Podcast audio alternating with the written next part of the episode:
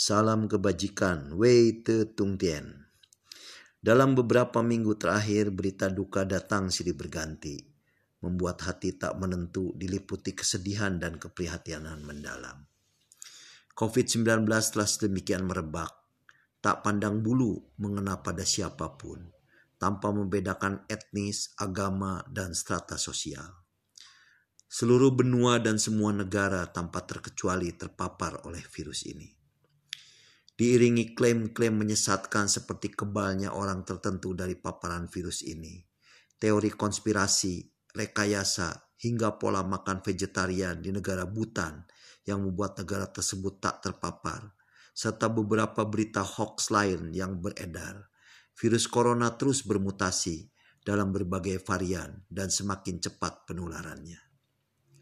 Sebagai masyarakat awam, kita hanya berharap dan berdoa Semoga mutasi virus ini tidak semakin ganas dan kebal, sehingga pandemi dapat diakhiri dengan vaksin, obat, dan disiplin diri mematuhi protokol kesehatan, serta hal lain yang dapat menunjang percepatan.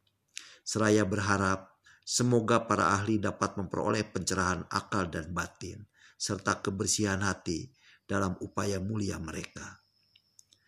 Dalam kehidupan di dunia ini, ada hal-hal yang bisa diatasi dengan petunjuk spiritual dan agama. Ada pula yang harus diatasi dengan kaidah ilmu dan keahlian berdasar akal. Tak bisa hanya dengan berdoa, beribadah, dan keyakinan pada mujizat. Kita akan mampu mengatasi pandemi ini dan menjadikan kita tak akan terpapar oleh virus. Diperlukan kepatuhan pada protokol kesehatan yang telah ditetapkan oleh para ahli Protokol kesehatan adalah sumbangan ilmu pengetahuan. Begitu pula pengembangan vaksin, obat, dan alat-alat lain walau pada prosesnya kita yakini ada campur tangan ilahi. COVID-19 tak membedakan apakah dia seorang ulama, pendeta, pedande, biksu, kiai, ustadz, pastor, uskup, syese, wense, jauseng, orang suci agamawan, dukun, tabib, dokter, ilmuwan, presiden, raja, ratu, menteri, gubernur, atau siapa pun dia. Selama pintu masuk virus itu terbuka, maka dia akan terpapar entah sebagai OTG ataupun menjadi pasien. Itulah yang kita yakini sebagai Tianli, hukum Tien. Hukum Tien tak mengenal pengecualian. Apakah seorang vegetarian atau apakah seorang yang percaya dan mampu membuat mujizat Tuhan atau percaya pada kekuasaan Tuhan atau mempunyai ilmu gaib atau apa pun itu. Bukti empiris menyatakan siapa pun tanpa kecuali dapat terpapar dan memaparkan virus ini dan dapat berujung kematian. Maka klaim-klaim tak berdasar dan menyesatkan seperti itu tak layak kita percaya dan mesti kita tolak. Apakah dengan begitu saya mengajak Anda tidak percaya pada sembahyang dan doa? Tidak sama sekali. Saya anjurkan Anda tetap percaya dan harus terus bersembahyang dan berdoa.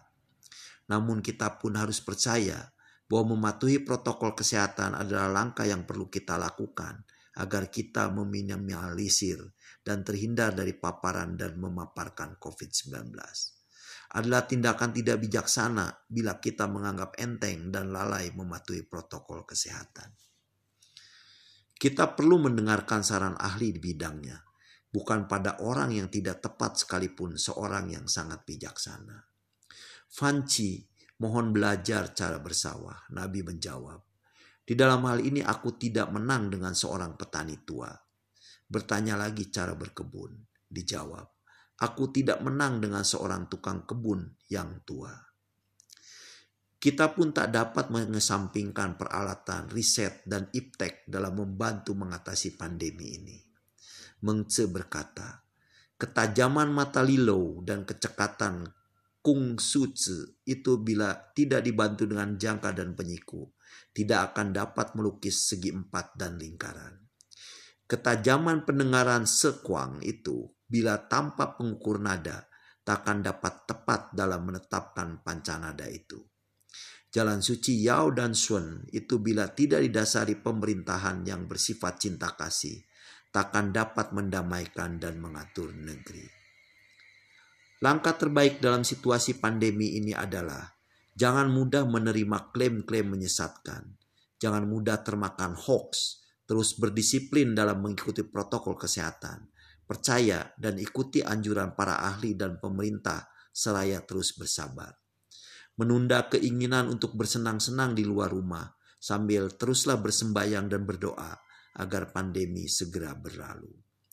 Kalau vaksin sudah tersedia, yuk kita vaksin. Langkah inilah yang akan melindungi kita dan orang-orang yang kita sayangi. Kalau Anda ragu untuk divaksin, saya siap menjadi gelombang pertama yang divaksin. Setelah itu Anda. Pandemi tak lama lagi akan berlalu dan kita dapat banyak belajar dari kejadian ini untuk memperkaya pengalaman hidup kita. Salam kebajikan. Wei Te Tung Tien. Sancai.